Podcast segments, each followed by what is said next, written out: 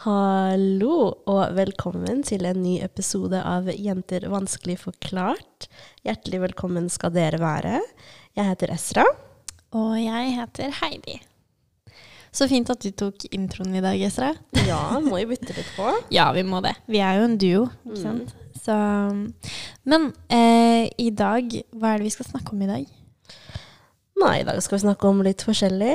Vi skal snakke om jobb og skole og livet, og hvordan å balansere alt. Ja, fordi det er et evigvarende tema som jeg alltid har liksom tenkt sånn Hvordan i huleste skal jeg fikse det her? Mm. Hvordan skal jeg klare å balansere alt? Fordi nesten alltid så er det et eller annet som opptar um, det andre, og så bruker man masse energi på én ting, og så er det liksom vanskelig å liksom finne ut hvordan man skal balansere hverdagen, da. Mm.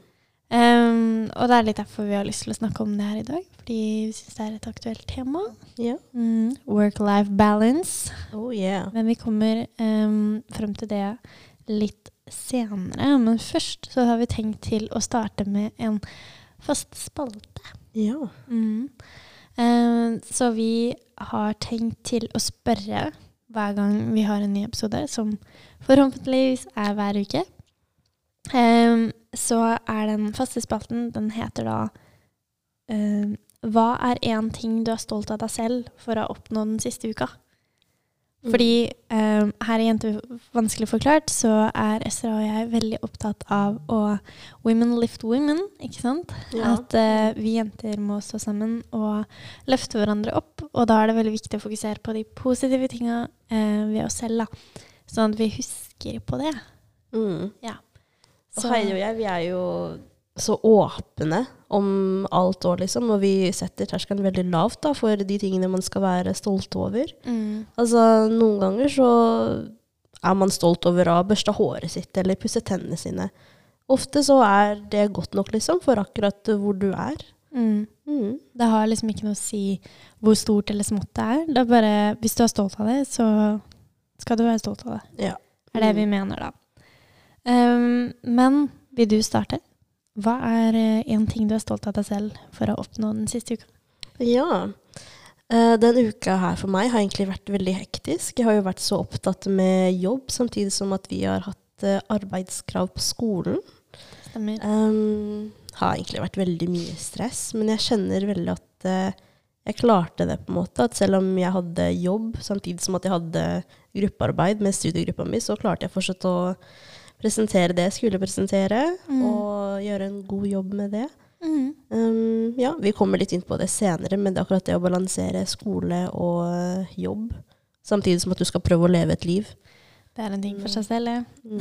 Så det er noe jeg er veldig stolt over denne uka her. Du er stolt av deg selv for å ha klart å balansere jobb og studier denne uka Mm. så godt som mulig. Ja. Fordi du besto arbeidskravet, gjorde du ikke? Det gjorde jeg. Ja. Mm. Da er vi to. Hva er du stolt av denne uka her, Heidi? Jeg er stolt av um, at jeg har lyttet til kroppen min. Eh, fordi greia denne uka har jeg også hatt veldig mye på agendaen. Det har vært ting hver eneste dag. Uh, både skole, jobb, møter. Um, og også arbeidskrav. Ehm, og da har de fleste ettermiddagene denne uka her vært veldig fulle, da, på kalenderen. Så um, det jeg gjorde på tirsdag, så var jeg litt sånn småpjusk. Um, og jeg kjente at vet du hva, i dag orker jeg ingenting. Mm. Så jeg bare kjente at hele kroppen min bare Altså, jeg holdt på å sovne når jeg satt i stolen oppe på morgenen. Jeg skulle egentlig på skolen, vi skulle egentlig ha studiegruppe.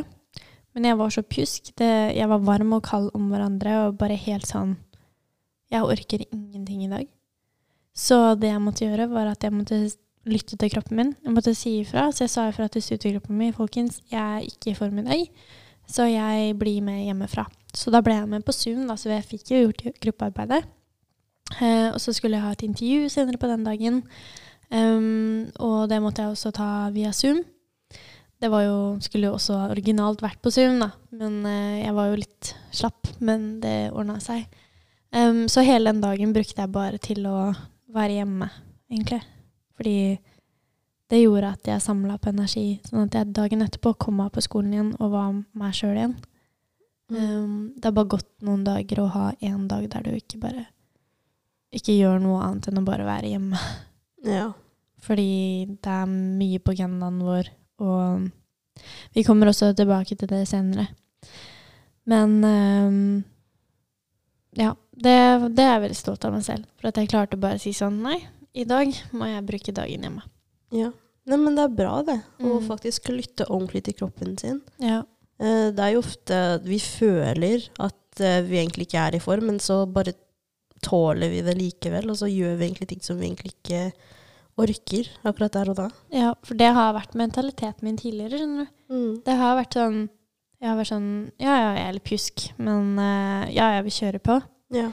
Eh, og så har det straffa seg etterpå ved at eh, da har jeg blitt så sliten at jeg har sovna og vært helt sånn enten dårlig humør eller et eller annet. Eh, og det er ikke noe ålreit. Og da syns jeg det er bedre å bare bruke én dag der jeg bare tar tid for meg sjøl. Og så setter litt grenser for meg sjøl og lytter til kroppen. Da. Mm. Eh, og da har jeg blitt veldig, veldig opptatt av eh, etter at jeg leste en bok eh, som heter 'Feminin flyt' av Iselin Larsen.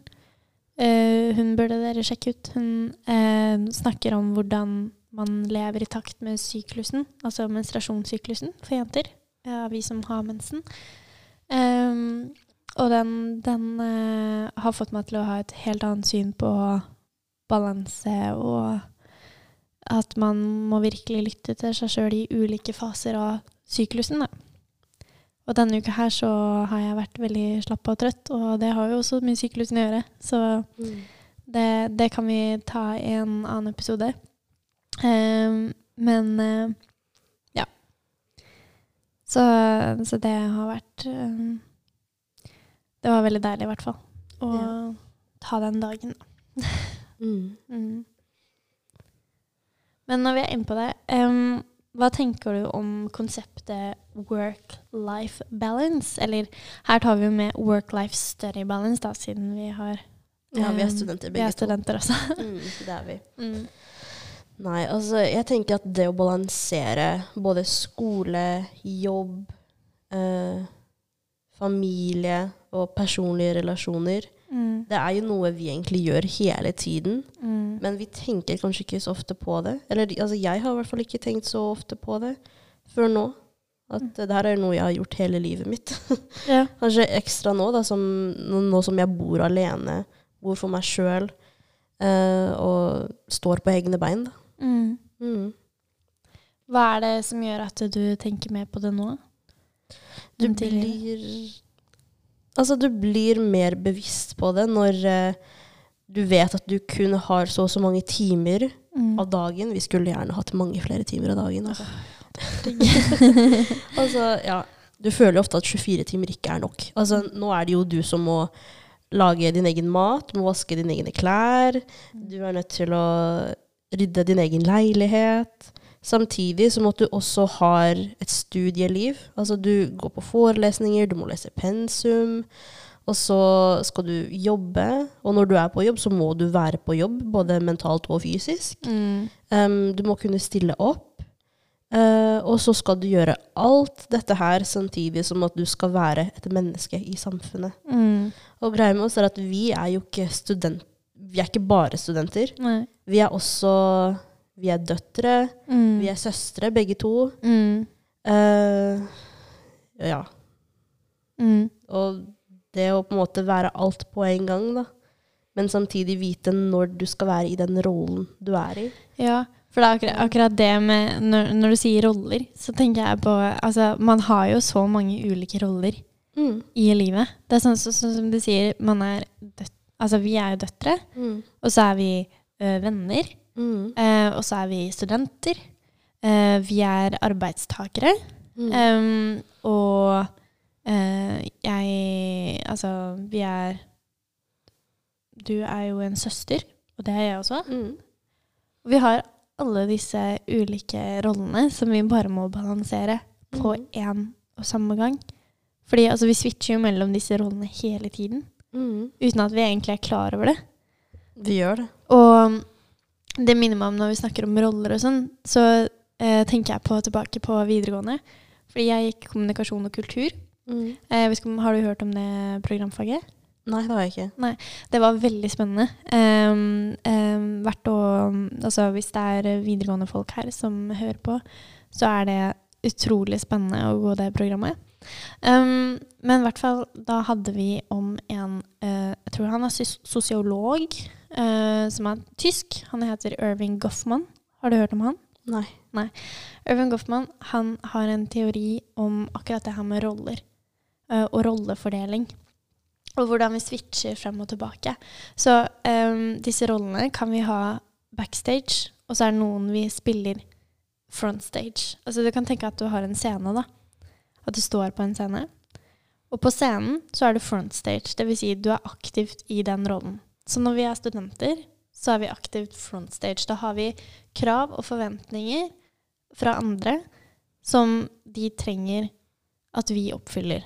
Sånn som at vi må skrive arbeidskrav, vi har deadlines der. Mm. Eh, vi må møte opp til forelesning, vi må være engasjerte, og vi snakker med medstudenter. ikke sant? Så her er det alle disse kravene.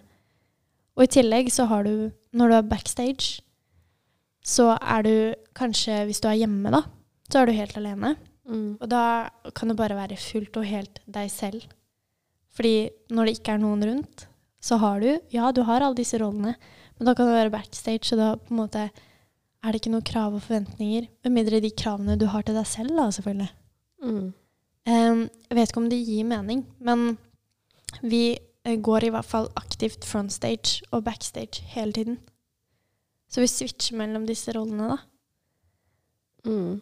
Vi gjør jo det. Og det er jo Mm. ikke noe, noe vi pleier å tenke på, fordi vi har bare blitt så vant til det. Ja.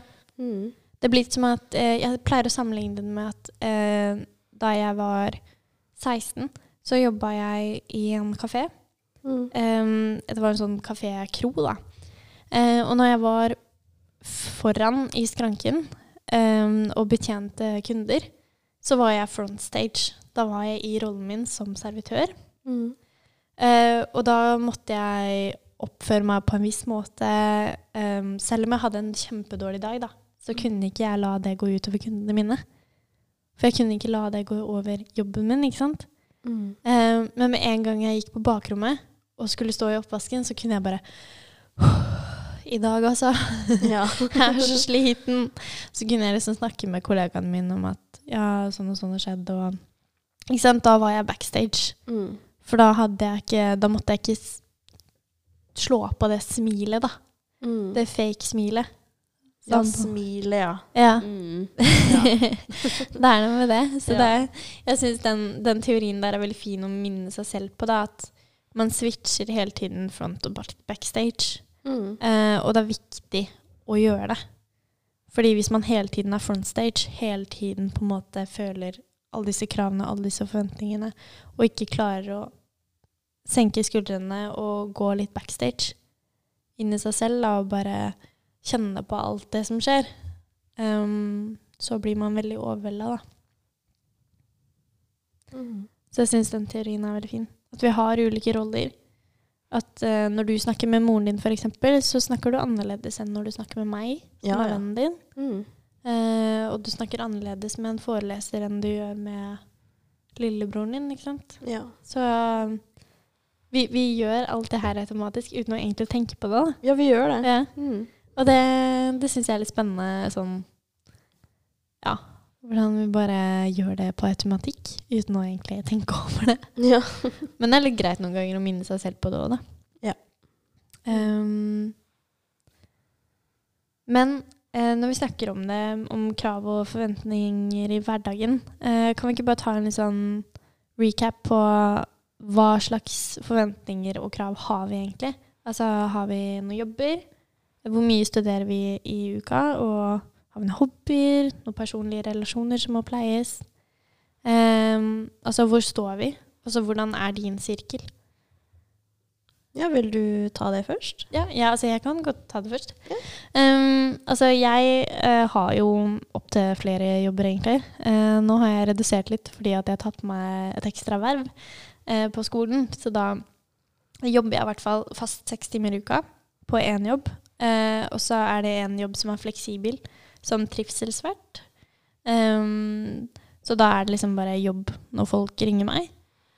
Um, og så uh, har jeg et uh, campuslederverv som er veldig fleksibelt, jeg òg, men det er også noen krav og forventninger som gjør at jeg bruker ganske mye tid på det allikevel. Både svare på e-mails og være på møter her og der, og litt reising og sånn, da. Mm. Uh, så omfanget av det er ganske mye i hverdagen.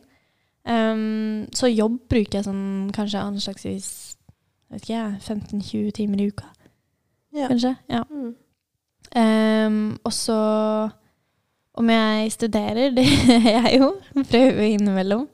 Eh, må jo forberede meg til eh, forelesninger og har blitt mye bedre på det, faktisk. Ja. til å bare lese her og der når jeg har tid. Um, så hvor mye jeg studerer sånn i ukedagene, det er kanskje én-to timer til dagen. og så er det liksom noen ganger så tar jeg det litt igjen i helgene, da. Og det her er utenom forelesningene jeg deltar på og sånn, da. Mm. Um, og så har jeg ikke noen sånne spesifikke hobbyer, annet enn at jeg syns at dette her er veldig gøy. Så bruker jo litt tid på det. Mm. Um, og vi har jo en Instagram-konto som, uh, som vi tenker at eh, kan gjøres litt med, da. Mm. Uh, den heter 'Jenter vanskelig forklart', by the way. Gjerne følg oss. Um, og så har jeg noen andre hobbyer. Jeg syns det er veldig, veldig gøy å spille piano. Ja. Ja, Musikk, ja. det gjør jeg. Mm. Jeg elsker musikk. Altså Før så spilte jeg musikk hver eneste kveld før jeg la meg, og bare roa meg ned på den måten.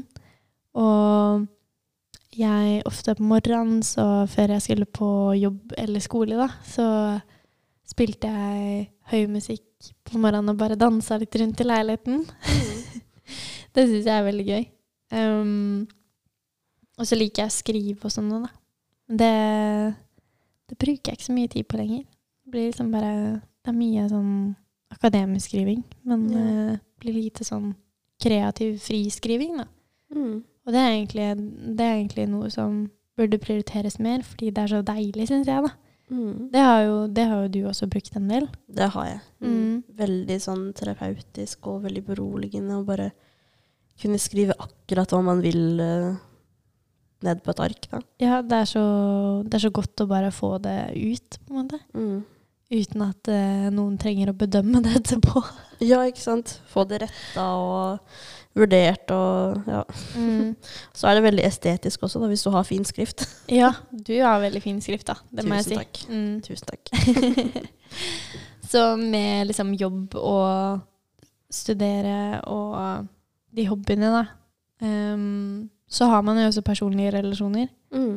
Um, bruker mye tid på eh, venner og familie og kjæreste. Mm. Um, og det må jo til for at man skal ha det bra i hverdagen. Mm. Fordi når Jeg føler de er liksom sånn Mine personlige relasjoner er min sånn klippe som jeg bare kan gå til når alt annet bare raser rundt meg. Så er de sånn Man kan holde fast i de, da. Mm. Og det syns jeg er så fint. Det er derfor det er så viktig for meg å ta vare på de relasjonene jeg har. Eh, at man ikke tar det for gitt oppi alt kaoset, da. Mm. Det syns jeg er skikkelig viktig. Um, så er det ikke alltid jeg får tid til å se alle. Men det å bare sende en melding 'Hei, hvordan går det?' eller bare ta en FaceTime-video, da. Ja. Spesielt med nevøen min og mamma og pappa gjør jeg jo en del. Ja. Og det, det bare er sånne ting som lyser opp. Mm. Så det betyr veldig mye, da. Um, men ja, det var litt om min uh, work-life study balance.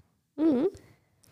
For meg så er det egentlig ganske mye av det samme. Jeg, jo, altså jeg jobber jo, jeg òg. Um, det er vanligvis kanskje to til tre ganger i uka, og hver arbeidsdag er jo sånn åtte timer, sånn Mm. cirka. Pluss minus pause. Um, så er jeg også student, og det tar veldig mye uh, av tiden min. Jeg Mm. pleier også å studere kanskje sånn ja, to til tre timer per dag, og det er jo ikke alltid at det går, selvfølgelig, så noen ganger pleier jeg også å ta det igjen i helgene. Mm. Um, skal vi se Hva annet er det jeg driver med? Noen ganger så føler jeg at jeg driver på med alt og ingenting samtidig. Ja. Mm. Alt er bare en sånn mølje. Ja, ja. Livet bare Ja. Floating. Yep, alt bare går i ett. Ja. Um, sånn kreativt Jeg driver jo også veldig mye med skriving, jeg òg. Hører utrolig mye på musikk. Mm. Det er liksom, det er blitt en så stor del av livet mitt. Altså I hvert fall morgenrutinen min. Når jeg skal gjøre meg klar til skole og sånn, Mm. så setter jeg på liksom spillelista mi og drikker noe vann eller saft mens jeg sminker meg, og bare ja, romantiserer hele dagen, egentlig. Åh, Så deilig. Mm. Um, og så har jeg også en familie som bor eh, en og en halv time unna, som Mm. jeg også prøver å besøke sånn enten hver helg eller annenhver helg, så langt det går. Um, ja. Jeg syns du er veldig flink til å besøke familien din til at de bor så langt unna. Tusen takk. Men det er litt enklere for deg etter du har fått bil også, da. Ja. Mm. Det er, blir kanskje litt billigere ja. enn å ta toget frem og tilbake. Mm. Mm.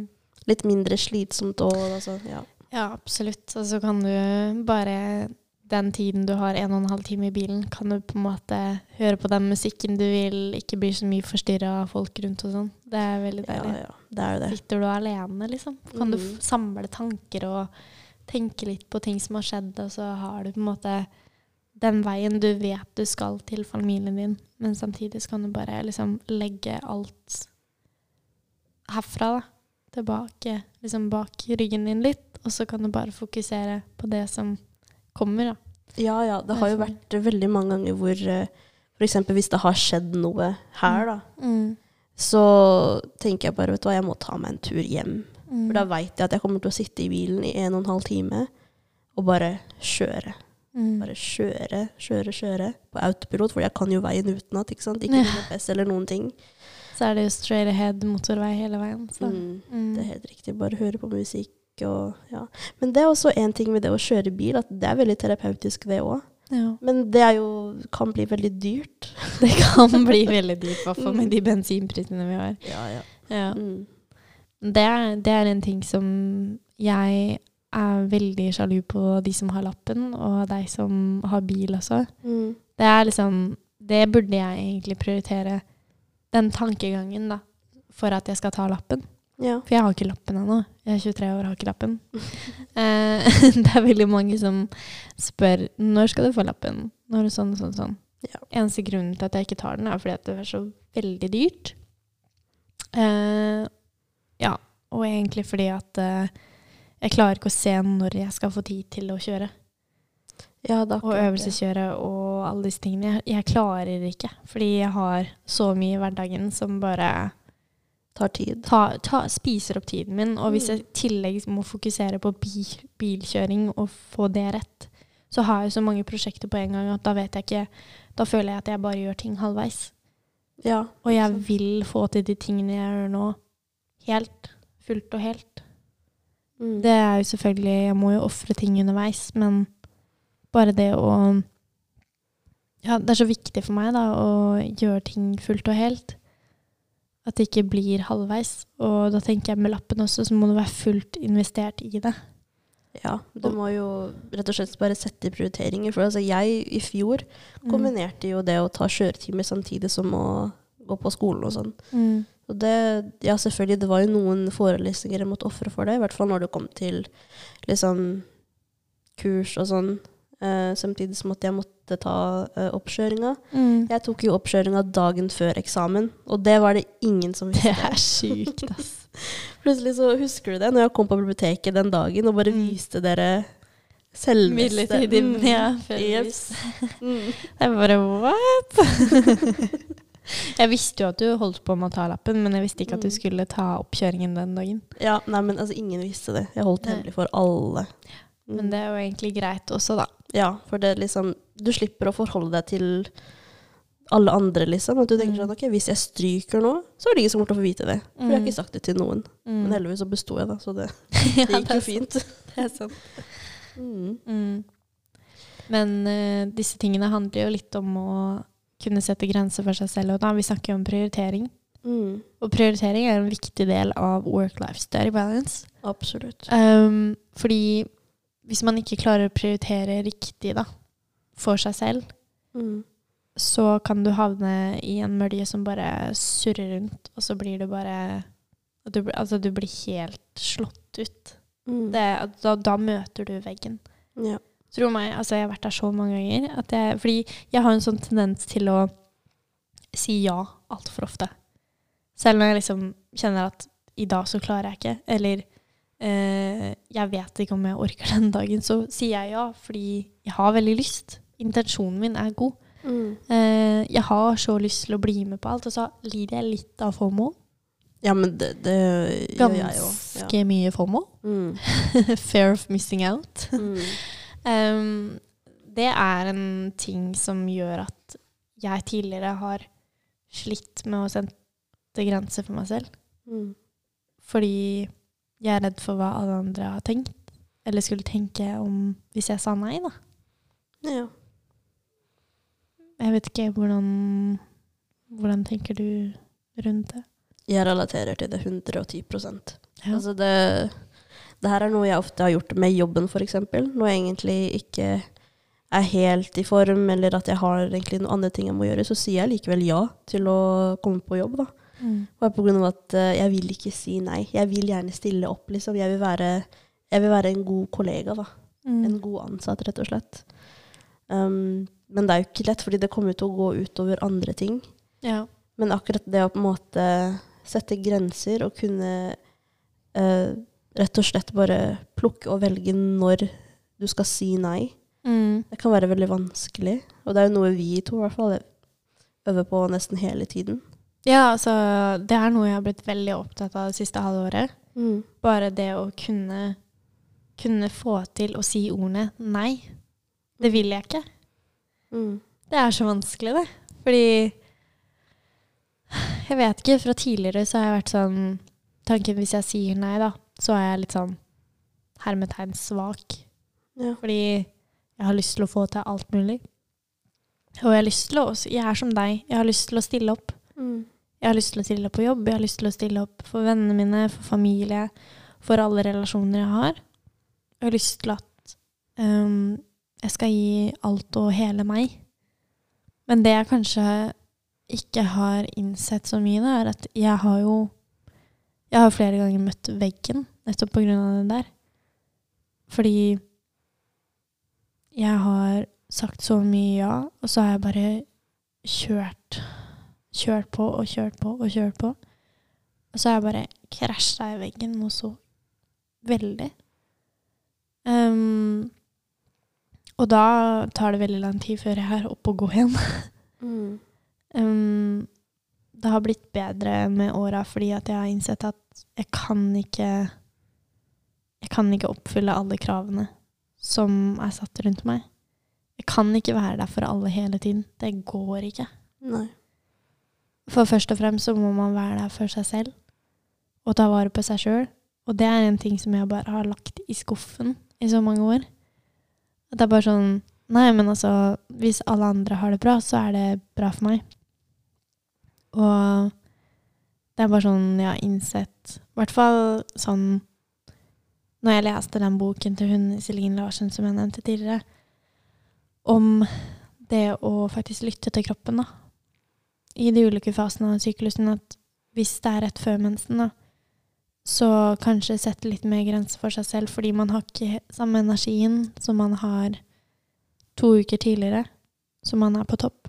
Dette kan vi snakke om senere en annen gang, for det er veldig spennende, akkurat det der. Um, og bare, hvis du kjenner at nei, innerst inne i intensjonen, intuisjonen sier at nei, det her orker jeg ikke, og så bare er det en stemme som bare Nei, men kjør på, kjør på, kjør på. Bare si nei. Du får ikke lov til å bestemme i dag. Bare børst den bort. Bare sånn, vet du hva?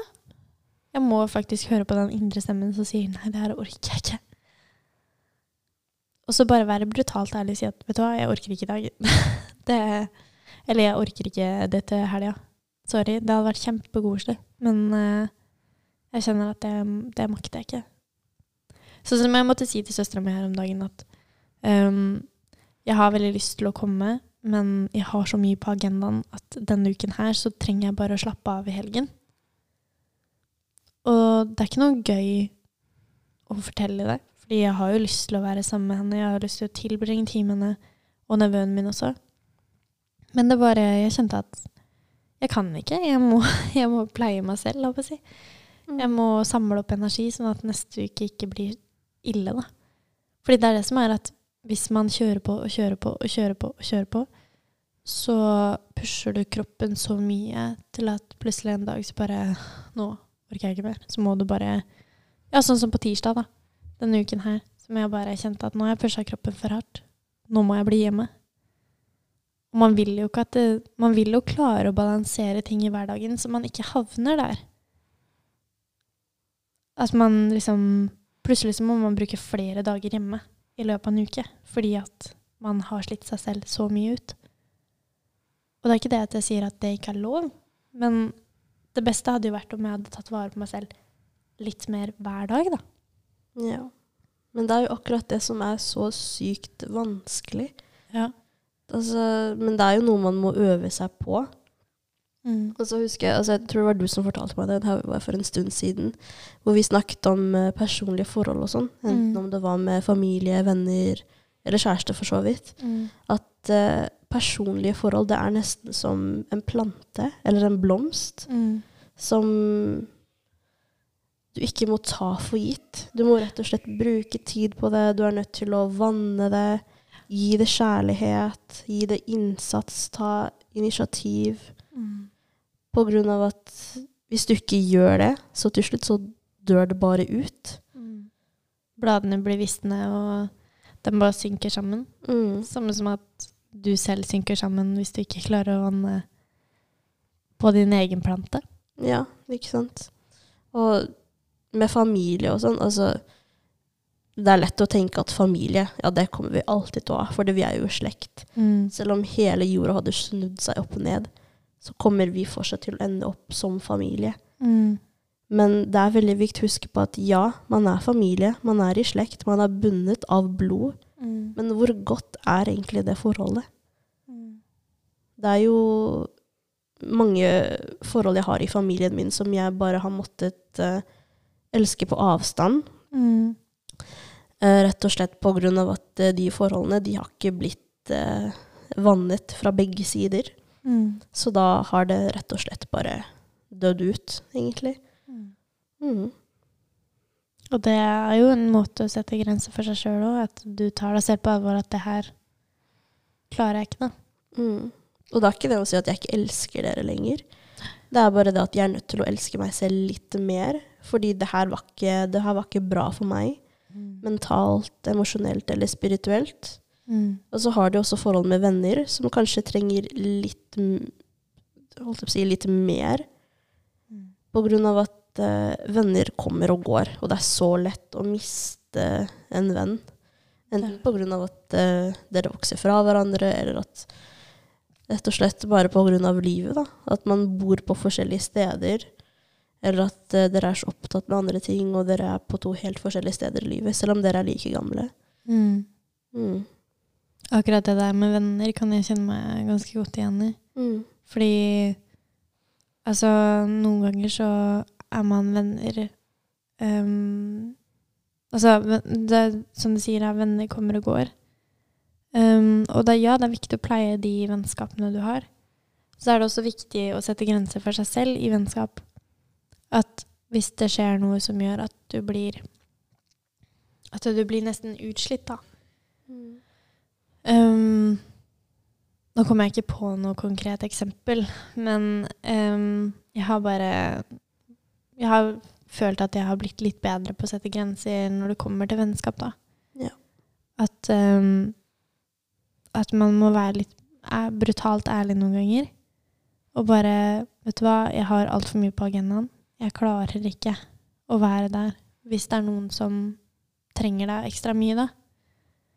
Og så bare se at jeg har ikke kapasitet. Det går ikke akkurat nå.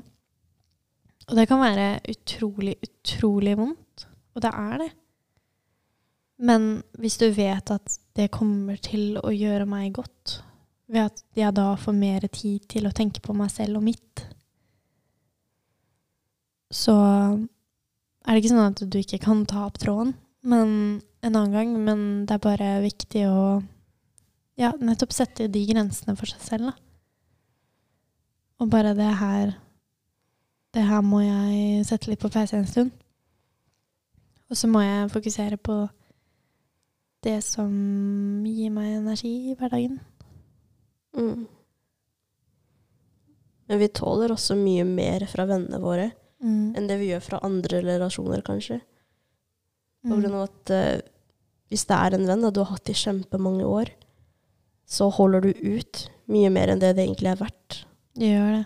Det er veldig ofte lett å tenke sånn Ja, vi har vært venner i så mange år. Mm. Siden vi var små, kanskje. Du har sett meg i alle fasene av mitt liv. Mm.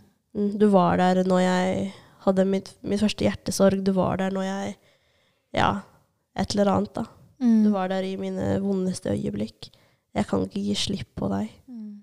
Det er så utrolig vanskelig å logge. Altså, vi har jo snakket om det. Mm. Altså, at vi hadde mye mer ønske å slå opp med en kjæreste enn å slå opp med en venn. Ja, men det er, eh, det er nesten enklere, altså. Mm. Eh, for, altså. Det høres litt banalt ut, men jo. Fordi at eh, vennskap er en helt annen relasjon enn en kjæreste er. Mm. Det er liksom noe med det når man, i hvert fall som, som oss, da, at vi er to jenter som kan dele alt mulig. Mm. Og man har delt seriøst alt mulig av opp- og nedturer. Ja. Det er ikke alt du kan dele med en kjæreste, det er ikke alt du kan dele med familien. Nei. Men altså, vennskap, det er noe eget. Mm. Og vi tåler ofte mer fra venner, ja. Men vi må også tenke når har jeg tålt for mye? Ja. For det er jo en del av den grensesettinga at det er så lett å bare si ja, jeg skal, jeg skal stille opp, jeg skal være der. Jeg skal gjøre alt jeg kan for at du skal ha det bra. Og så er det kanskje ikke ditt ansvar, da, Mm. for at den andre skal ha det bra. Sånn er det jo generelt i andre relasjoner også. Men um, Ja. Det var en rar lyd. ja. ja. Men den kunsten å si nei, den er, ehm, den er en hard nøtt. Det er det. Og så er vi Mm. så redde for å skuffe også. Jeg vet det. Mm. Det er absolutt ikke lett. Det er holdt jeg på å si, lettere sagt enn gjort å bare kunne si nei, jeg kan ikke akkurat nå. Mm. Men da er det veldig viktig å huske på at jeg sier ikke nødvendigvis nei pga. at jeg ikke er glad i deg lenger, Mm. men det er pga. at jeg må kunne ta godt vare på meg selv akkurat nå, for at jeg skal kunne ta vare på deg senere, da. Mm. Mm. Men det er nettopp akkurat det at eh, Jeg husker jeg skrev en tekst en gang. Det jeg skrev at eh, hvis jeg ikke tar vare på meg selv, så kan jeg heller ikke ta vare på andre. Og det er en sånn saying. Er det ikke det, egentlig? Ja, det er kanskje det. Ja, jeg tror jeg leste den en gang, og så skrev jeg det i en kronikk jeg skrev, i hvert fall. Mm. Um, men um, hvis man ikke tar vare på seg selv, så kan man heller ikke ha så mye overskudd til å gi til andre, da. Mm. Så godt som mulig. Og det er så utrolig viktig at vi bare innser det at det er lov å si nei. Og det betyr ikke nødvendigvis at du ødelegger noe i forhold til den andre.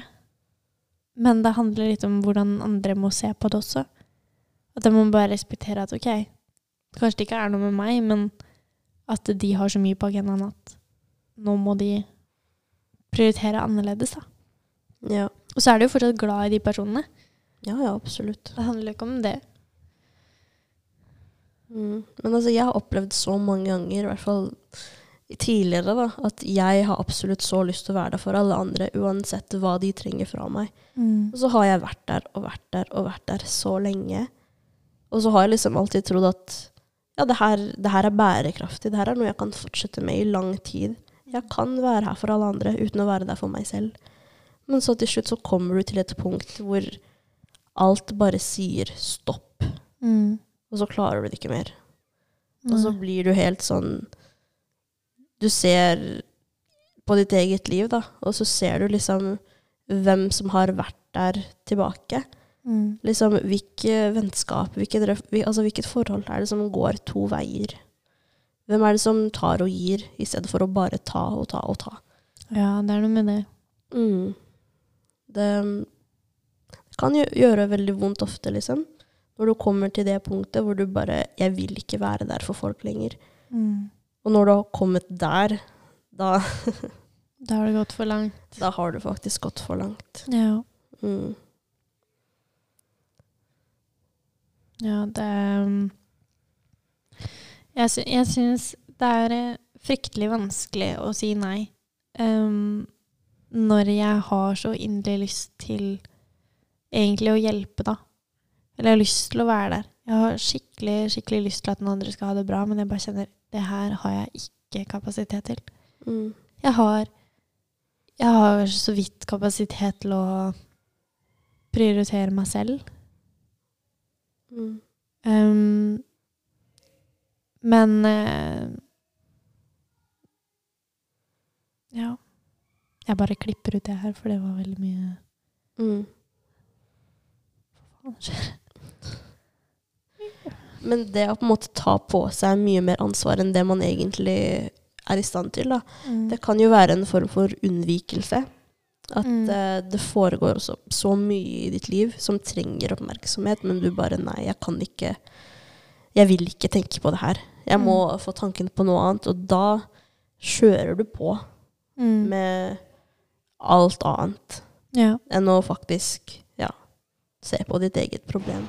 Men eh, en annen ting jeg har tenkt på, da, eh, i forhold til det her med å prøve å balansere litt på eh, work-life study, um, så er det det når man Fordi ofte så har man Hvis man har mye på agendaen, så er det så lett for å over, overtenke ting. Mm. At det blir liksom Det blir for mye i hverdagen, og så kanskje du tar deg nær av ting som du ellers ikke ville tatt deg nær av. Blir kanskje irritert på ting som du ellers ikke tar deg Eller ikke, ellers ikke blir eh, Irritert over. Ja. Ja. Um, og det er fordi at du har så mye å tenke på at det bare Alt som blir liksom lagt på deg ekstra da, av ting på skuldrene, det bare blir for mye. Så du klarer ikke å måte, tenke rasjonelt, da. Tenke klart. Mm. Um, og her så jeg faktisk en Instagram-reel om dagen, som jeg også sendte til deg. Ja. Eh, angående det her Hvis man overtenker mye, da har lett for å overtenke ting, um, så sto det på den Instagram-reelen at det, er det egentlig et problem før noen har sagt at det er det? Som hvis du går og tenker på um, Ja, si at uh, jeg klarer ikke å være der nok for vennene mine. Jeg har så dårlig samvitt samvittighet for det. Og hvis ingen har fortalt deg at nå syns jeg du stiller lite opp for meg, eller jeg trenger deg nå, er det egentlig et problem, eller er det bare i huet ditt? Mm. Men det som er så interessant med det her, er at etter at jeg så på den reelen, Mm. så leste jeg også på kommentarfeltet. ja, ja, Eh, det det var veldig mange som eh, hadde mye å si om det. Mm. Sånn, uh, ja, både positivt og negativt. Men uh, jeg husker at det var en kommentar som skilte seg litt mer ut fra mengden. Mm. Og der var det en kommentar som sa at det her er både empowering og toxic på samme tid. Ja. Og da begynte jeg å tenke sånn Ja, kanskje det er det. At uh, det er empowering på den måten at du tenker mindre over de minste tingene, liksom. Mm. Men samtidig så kan det være litt toxic på grunn av at Tenk om du faktisk gjør noe galt, da, og så tar du ikke hensyn til det av at ingen har fortalt deg at OK, nå, nå gjør du sånn og sånn, og jeg, det får meg til å føle sånn og sånn. ja. Og jeg tenker at vi må ikke alltid vente på at noen sier til oss at nå gjør vi noe galt. Vi må jo kunne ha selvinnsikt til å vite det sjøl også. Ja, ja, ja. ja, Um, det er klart.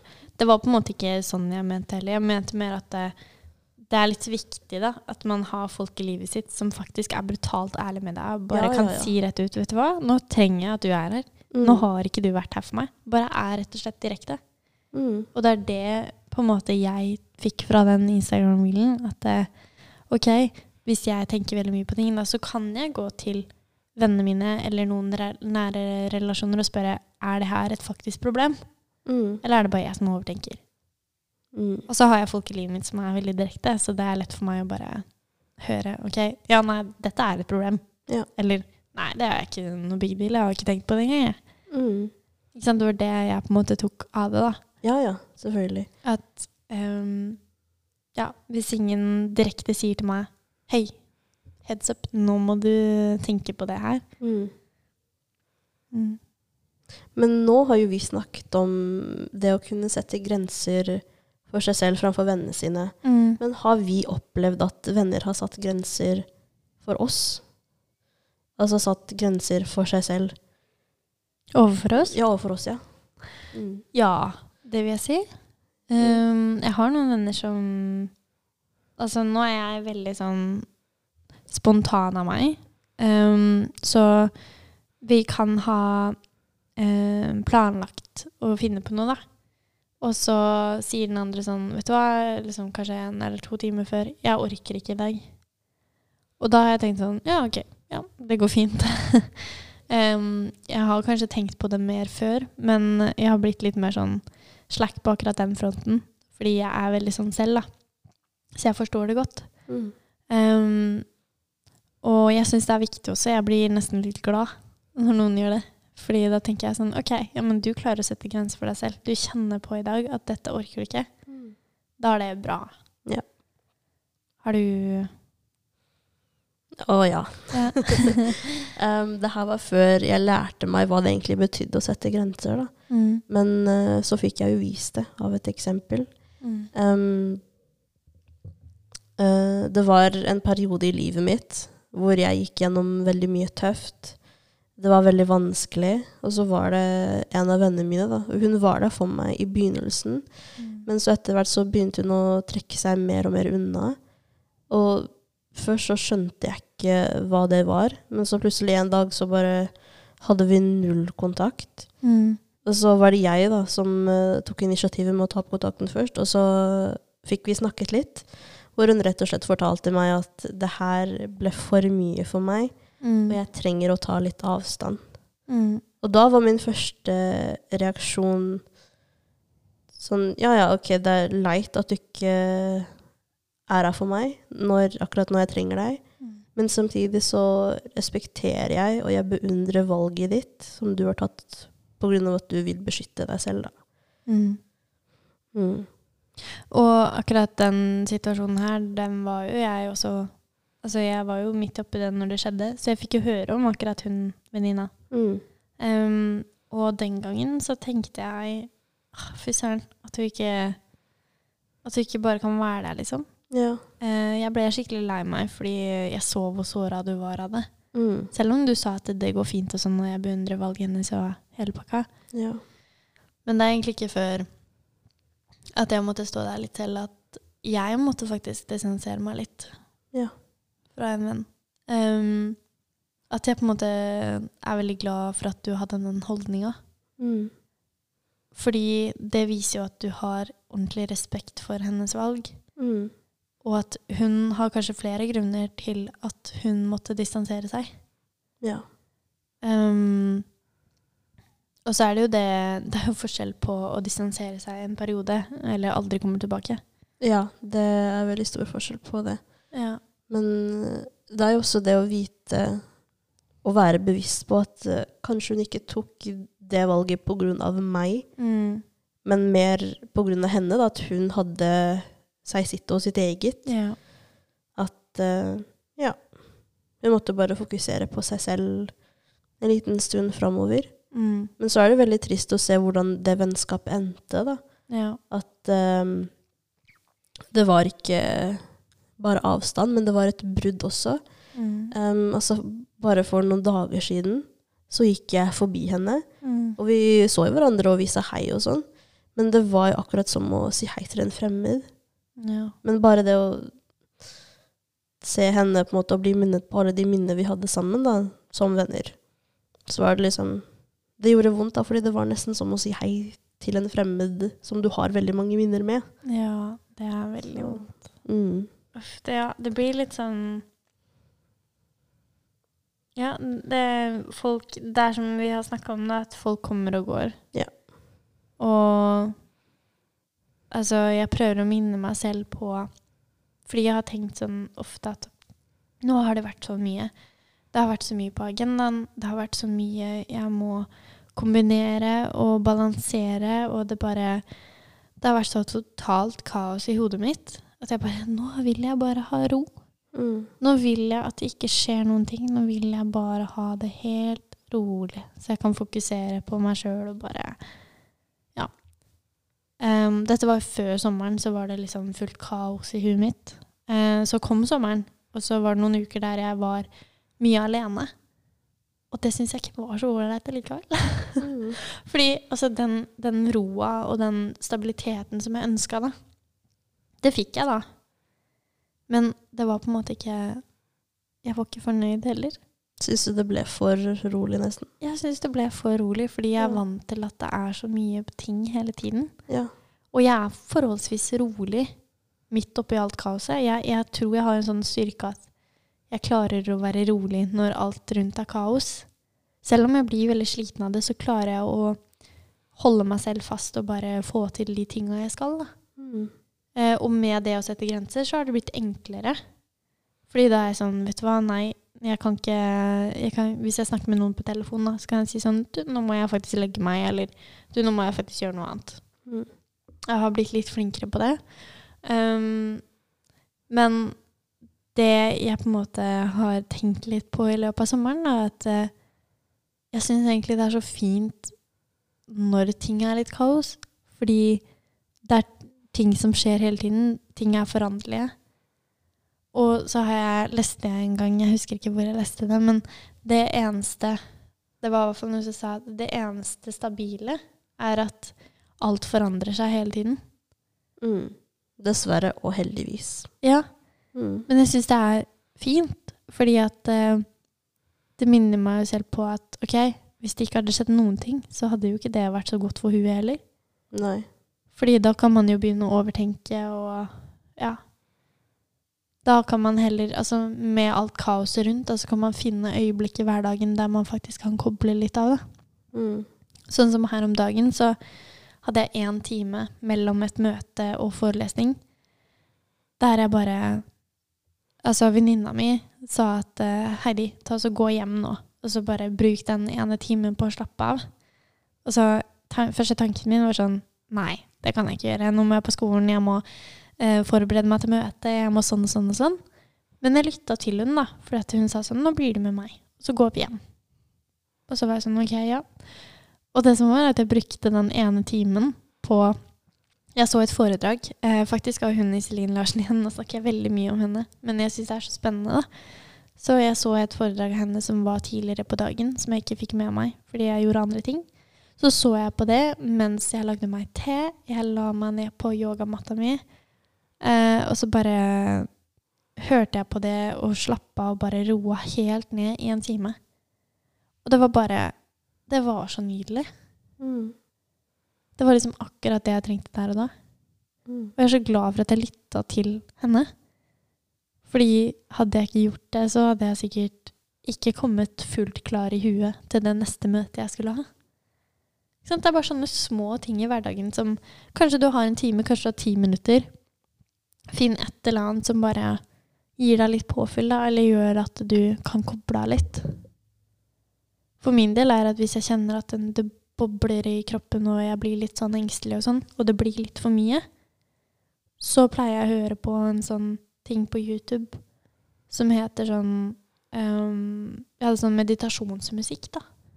Pleier jeg å sette på hodetelefonen og bare koble av, bare puste litt. Og så hjelper det kanskje etter sånn ti minutter. Ja. For min del så er det egentlig musikk primært som hjelper. Altså, Ja. Jeg har jo snakket om det før, og liksom det å romantisere øyeblikk i livet ditt. Altså, du har jo f.eks. sett meg når vi sitter på biblioteket, Ja. og jeg studerer, og det er bare Energien rundt meg er rett og slett bare så fin og rolig. Mm.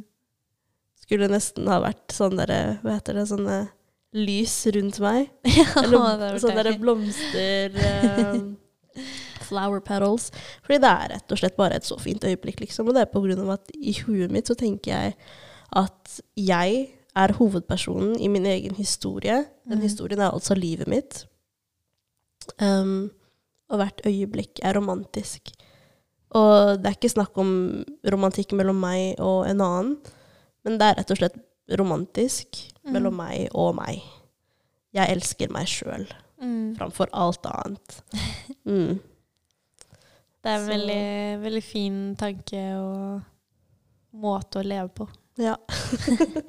og det gjør jeg fra morgen til kveld. Mm. Så det mm. Der er du god, faktisk. Takk. Ja. Jeg, eh, jeg kan ikke si at jeg romantiserer livet mitt, men jeg prøver å ta vare på de øyeblikkene som gir meg glede. Da. Mm. Prøver å minne på meg selv på de øyeblikkene. Når det er litt trått, da. Ja.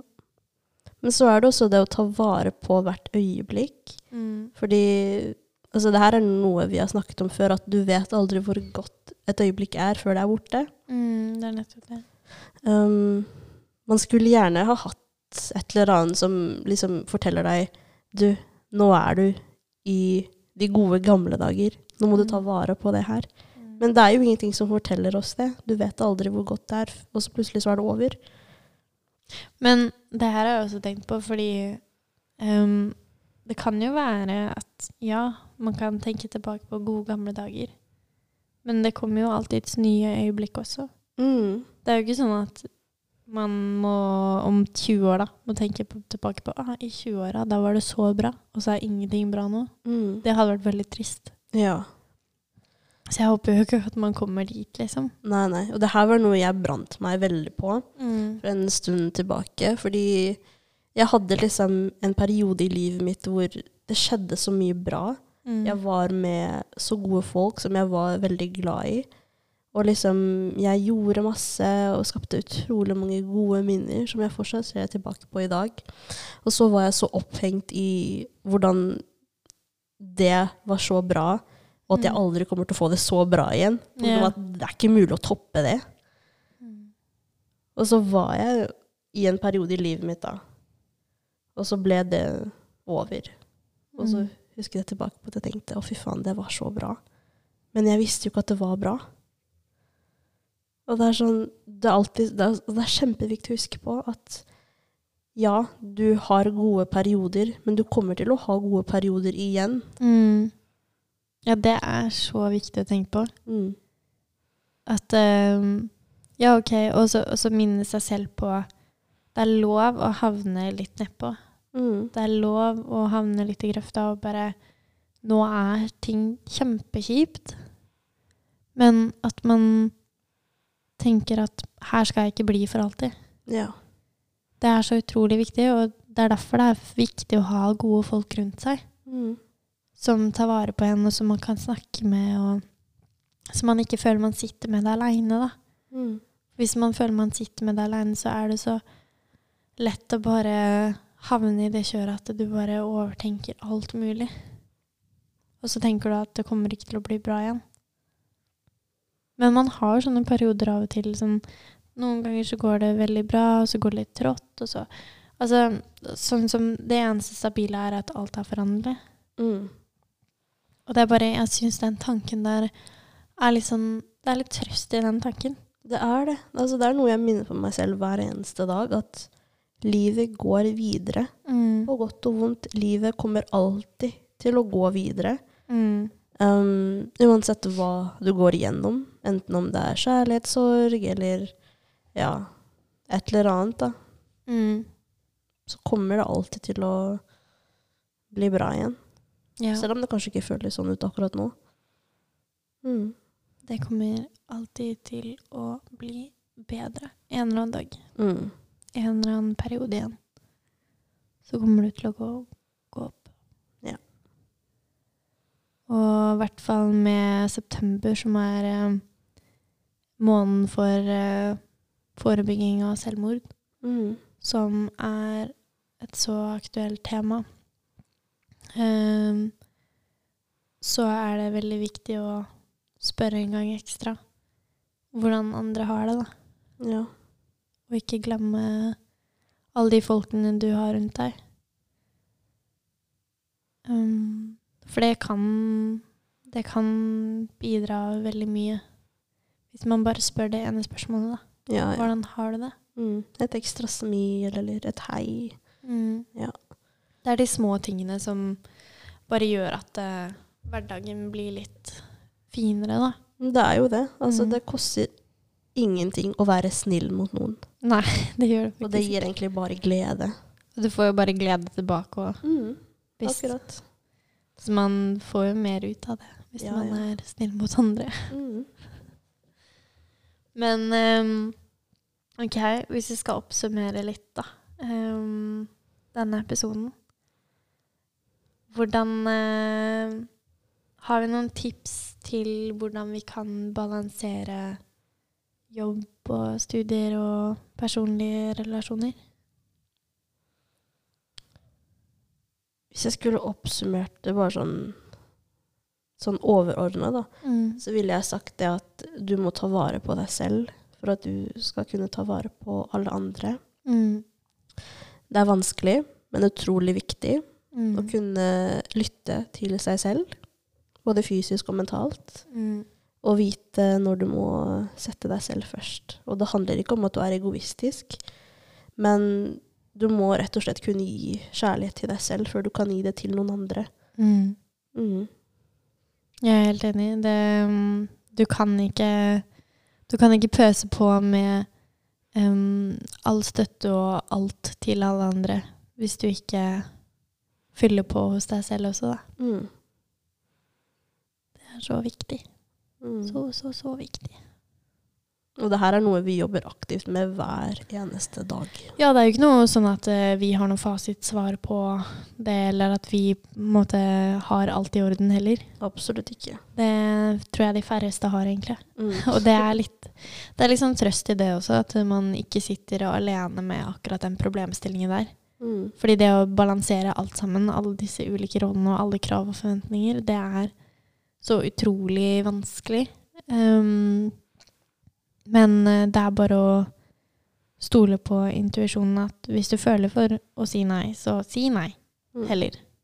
Um, og så er det viktig å tenke på at hvis noen sier nei til deg, så er det mest sannsynlig at de har en god grunn. Um, at det er noe At man ikke skal føle på det personlig, da. Det, er, det tror jeg er veldig viktig. Mm. Men da takker vi for nå. Så er det bare å glede seg til neste episode. Yes. Mm. Vil du gi et lite hint om hva neste episode handler om? Nå må jeg gå inn i notatene mine og sjekke. jeg er litt sånn surrete i huet. Men eh, jo, det er eh, om eh, våre kvinnelige forbilder. Ja. Rett og slett. Og litt om Ikke for at vi skal si for mye, men litt sånn hvordan vi er blitt som vi er blitt Mm. ut ifra det. Fordi vi, altså begge oss er jo litt formet av kvinner i våre liv. Det har vi. Mm. Og ved jenter vanskelig forklart, så skal vi forklare det på en så enkel måte som mulig. yes. Men takk for i dag, Estra. Det var en veldig fin prat. I like måte, Heidi. Så høres vi neste uke. Yes. Ha det bra. Ha det bra.